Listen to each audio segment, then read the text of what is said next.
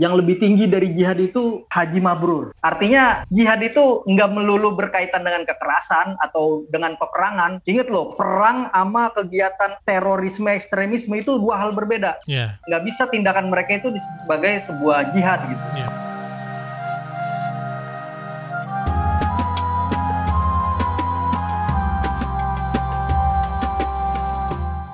Assalamualaikum warahmatullahi wabarakatuh. Jumpa lagi kita di podcast Ramadan Vibes, podcast edisi khusus Ramadan, persembahan dari Kaber dan juga islami.co. Bersama saya Indra Saputra yang akan menemani kamu di episode kali ini. Kita udah terima banyak banget pertanyaan-pertanyaan menarik dari teman-teman yang ngirimin DM ke KBR dan juga islami.co. Mulai dari pertanyaan seputar tata cara ibadah yang benar, perihal ajaran Islam, ada juga yang nanyain perdebatan-perdebatan yang sering kita temuin perihal agama gitu ya. Ada juga yang mempertanyakan jihad yang benar itu bagaimana sih? Jadi temanya adalah jihad itu bagaimana sih sebetulnya? Kita akan membahas topik ini bersama narasumber kita yang sudah tergabung ada Ustadz Al-Hafiz Kurniawan. Halo Ustadz, apa kabar? Assalamualaikum. Halo, kabar baik. Waalaikumsalam. Salam sehat Ustadz ya. Siap, siap, siap. Lancar nih, mudah-mudahan puasanya menjelang hari raya. Mudah-mudahan kita Amin. bisa disehatkan badannya, dilancarkan puasanya juga. Ustadz, kita di episode kali ini membahas soal jihad nih yang juga sering menjadi perdebatan di masyarakat, di lingkungan kita juga. Jihad itu bagaimana sih sebetulnya? Ini udah banyak banget yang bertanya, kita milihin beberapa pertanyaan. Pertanyaan yang pertama adalah jihad itu apa sih sebenarnya? Apa kayak kejadian teror kemarin-kemarin ini? Nih, jadi jihad disangkut pautin sama teroris nih Ustadz. Gimana Ustadz? Jihad itu disangkut pautkan dengan teroris. ya. Waduh, itu dua dua hal dua term yang sangat berjauhan sekali. Uh, pertama begini, yang harus dipahami dulu bahwa jihad itu secara bahasa adalah upaya yang sungguh-sungguh, yang upaya yang sangat maksimal yang dikeluarkan atau dikerahkan oleh seseorang untuk mencapai satu tujuan tertentu. Nah itu pengertian jihad secara hmm. bahasa. Kemudian jihad itu kemudian berkembang pengertiannya di awal-awal masa Islam itu upaya untuk mengeluarkan, mengerahkan pikiran, tenaga, harta di jalan Allah. Periode di jalan Allah Ta'ala itu sendiri adalah mengembangkan, mengajarkan nilai-nilai Islam, nilai-nilai yang baik ini di tengah masyarakat yang memiliki nilai-nilai yang sudah bobrok lah katakan hmm. begitu. Artinya ada-ada masalah-masalah penyakit-penyakit sosial, penyakit-penyakit politik, penyakit-penyakit sosial seperti ya ya perzinaan, ya perang antar suku yang nggak putus-putus seperti itu. Perjudian juga itu bagian dari penyakit sosial. Jalan Allah Ta'ala yang di awal-awal masa Islam itu perlu diperjuangkan adalah mempublikasi, mungkin hari ini ya sederhananya mempublikasi atau menyiarkan atau mempopulerkan ajaran-ajaran Islam yang anti anti terhadap perjudian, perzinaan dan penyakit-penyakit sosial yang lain. Saya kira begitu. Nah, di tengah upaya sosialisasi ini, di situlah ada tantangan dari uh, beberapa uh, suku-suku di sekitar di suku-suku di masyarakat Arab, termasuk di suku Quraisy itu sendiri, di mana Rasulullah terlahir di suku Quraisy. Saya kira demikian. Nah, untuk apa jihad itu dilakukan? Untuk mempertahankan diri, karena posisinya orang uh, di dalam menyiarkan itu mendapatkan ancaman. Sebenarnya kan orang mengajarkan nilai-nilai baik. Kalau kita nggak setuju kan cukup kita diam atau yeah. apa. Tapi mereka mereka ini sifatnya mengganggu. Nah dalam posisi mengganggu ini kita harus dong mempertahankan diri, harus membela diri. Nah itu jihad itu di situ. Awalnya jihad itu di situ. Oke oke. Nah ini ada yang bertanya lagi, emangnya jihad itu beneran Nabi yang ngajarin ya?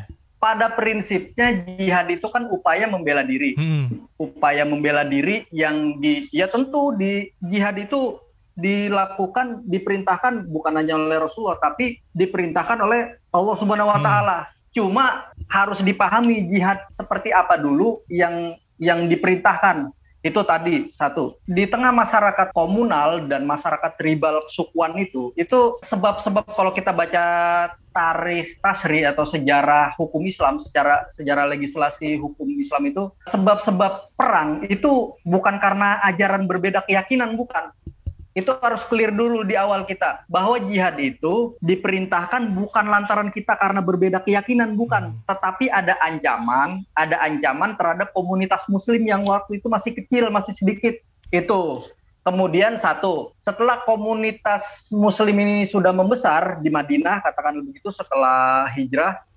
jihad dalam pengertian berperang ini dilakukan bukan dalam rangka menyebarkan agama Islam, hmm. bukan.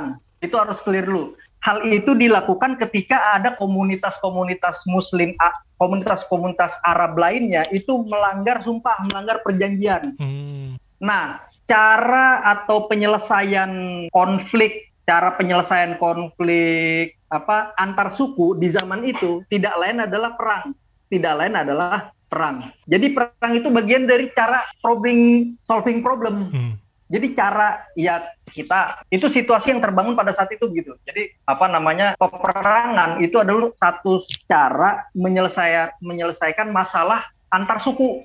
Saya kira di masyarakat kita di Indonesia yang kaya dengan suku bangsa di dari Sabang sampai Merauke itu juga masih melakukan hal itu. Jadi perang itu bagian dari cara menyelesaikan konflik hmm. antar komunitas. Jadi bukan karena beda agama, bukan seperti itu. Oke, jadi sebenarnya uh, ada nggak sih, maksudnya gini, apakah jihad selalu berkaitan dengan kekerasan? Nah itu soal lain lagi. Hmm. Jihad itu kembali ke awal ke pengertian dasar bahwa jihad itu adalah upaya sungguh-sungguh yang dilakukan secara serius, secara maksimal, totalitas, penuh totalitas. Itu pengertian jihad begitu. Hmm. Itu berlaku pada apa pun gitu. Orang belajar ya bisa jihad. Yeah. Belajar sungguh-sungguh siang malam mungkin dari satu kali 24 jam. Dia mengalokasikan waktunya hampir misalnya 18 jam atau 16 jam untuk belajar gitu misalnya. Itu ya itu bisa disebut jihad. Hmm. Nah, ada pula riwayat uh, hadis yang mengatakan suatu hari Aisyah bertanya kepada Rasulullah, "Wahai Rasulullah, kami memandang jihad ini sebagai amal paling utama. Apakah kami boleh berjihad?" kata kata Aisyah bertanya. Ya jawab Rasulullah, ada yang lebih tinggi dari itu katanya. Yang lebih tinggi dari jihad itu atau jihad yang paling utama, Abdulul jihad itu, itu haji mabrur. Artinya jihad itu nggak melulu berkaitan dengan kekerasan atau dengan peperangan. Ingat loh, perang ama kegiatan atau aktivitas atau tindakan terorisme ekstremisme itu dua hal berbeda. Yeah. Perang itu kalau kita baca buku-buku pikir siasa itu, buku-buku pikir politik, itu perang itu diumumkan oleh kepala negara clearkan kita di situ. Hmm. Perang itu diumumkan oleh kepala negara terhadap siapa? Terhadap negara lain, entitas lain. Adapun tindakan terorisme ekstremisme yang dilakukan sekarang itu kan apa namanya hasil opini individu. Satu orang, dua orang mengumumkan bahwa kita harus memusuhi pemerintah, hmm. kita harus memusuhi kelompok yang berbeda. Sementara mereka bukan kepala negara, artinya nggak bisa tindakan mereka itu sebagai sebuah jihad gitu. Yeah. Padahal jihad itu diatur kalau pakai pandangan mazhab Syafi'i, jihad itu adalah dafu dororin maksumin, zimian karena au mustakmanan. Itu upaya untuk melindungi, melindungi segenap ya baik melindungi harta atau melindungi jiwa siapa? Maksumin. Maksumin itu orang-orang yang wajib dilindungi, yaitu muslim, non-muslim yang zimi atau mustakman atau non-muslim dalam konteks itu masih negara-negara berdasarkan teokrasi, orang-orang yang meminta suaka, non-muslim yang meminta suaka secara politik itu wajib dilindungi. Nah, jihad itu berperan di situ. Kepala negara wajib menjamin menjamin hak hidup juga hak untuk berekonomi, keamanan hartanya juga dijamin bagi siapa? Bagi warga negaranya, baik yang muslim maupun yang zimi, non-muslim atau mustakman. Mustakman itu warga negara luar yang meminta suaka kepada ne satu negara muslim. Itu begitu. Jadi bukan bukan tindakan satu dua orang bisa disebut sebagai jihad seperti yang kekeliruan yang dilakukan oleh banyak orang gitu yeah. ya. Memahami bahwa terorisme, ekstremisme itu bagian dari jihad itu keliru besar. Itu nggak ada nggak ada riwayatnya, nggak ada sanadnya gitu loh. Di Rasulullah nggak ada sanadnya, nggak ada sanadnya. Artinya nggak ada sahabat yang melakukan itu, melakukan interpretasi secara sepihak, gitu. melakukan interpretasi secara sepihak. Di samping itu, jihad itu udah selesai. Jihad itu udah selesai, udah nggak ada, udah udah selesai karena situasi ini situasi komunitas, situasi wilayah, situasi negara itu udah berubah menjadi dari darul kufri menjadi darul iman, darul Islam, di mana komunitas pada saat itu sedikit, komunitas Muslim sedikit, kecil, sehingga butuh untuk membangun solidaritas, membangun satu kelompok Muslim di satu wilayah tertentu, seperti itu. Sehingga ketika orang diperintahkan untuk berhijrah dan berjihad ke satu daerah tertentu, itu udah selesai karena udah Fathu Mekah. Mekah itu udah dikuasai oleh umat Islam tanpa pertumpahan darah, tanpa meneteskan darah, dan juga mereka berbondong-bondong untuk memeluk agama Islam tanpa paksa. Hmm. Itu itu peristiwa Fathu Mekah begitu.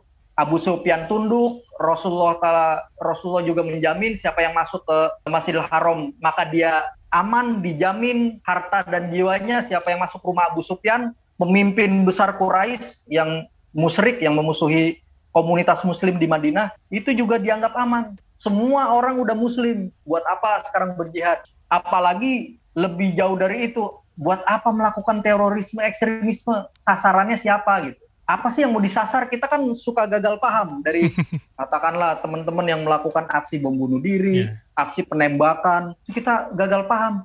Ya, jadi uh, mudah-mudahan sih dari dari hasil mendengarkan podcast kita di episode kali ini semakin terbuka ya, uh, maksudnya pandangan orang perihal jihad ini yang sebenarnya tidak ada kaitannya sama sekali dengan terorisme ya karena ini juga uh, ironi juga ketika kita membahas jihad yang mana ini adalah bisa dibilang adalah sebuah kesungguhan dalam dalam melakukan sesuatu tapi sesuatunya yang baik juga. Tidak ya, tidak betul, tidak menyakiti suatu golongan apalagi sampai ke tahap terorisme seperti itu. Contohnya tadi itu Ustadz, sama sekali nggak bisa dibenarkan betul. Ya Ustadz betul. bilang belajar. Itu juga sebenarnya jihad ya. Yang jihad, saya, ya, saya juga baru tahu ternyata oh itu termasuk golongan jihad. Kita belajar sungguh-sungguh ingin mendapatkan hasil yang terbaik. Itu juga betul. termasuk dalam golongan jihad. Wow Terima kasih banyak loh Ustadz loh sudah membuka wawasan kita semua yang mudah-mudahan semakin terbuka wawasannya, semakin mengerti definisi jihad yang sebetulnya tuh apa. Tadi kan Ustadz juga bilang salah satu jihad yang terbaik itu adalah uh, haji mabrur ya, Ustadz ya.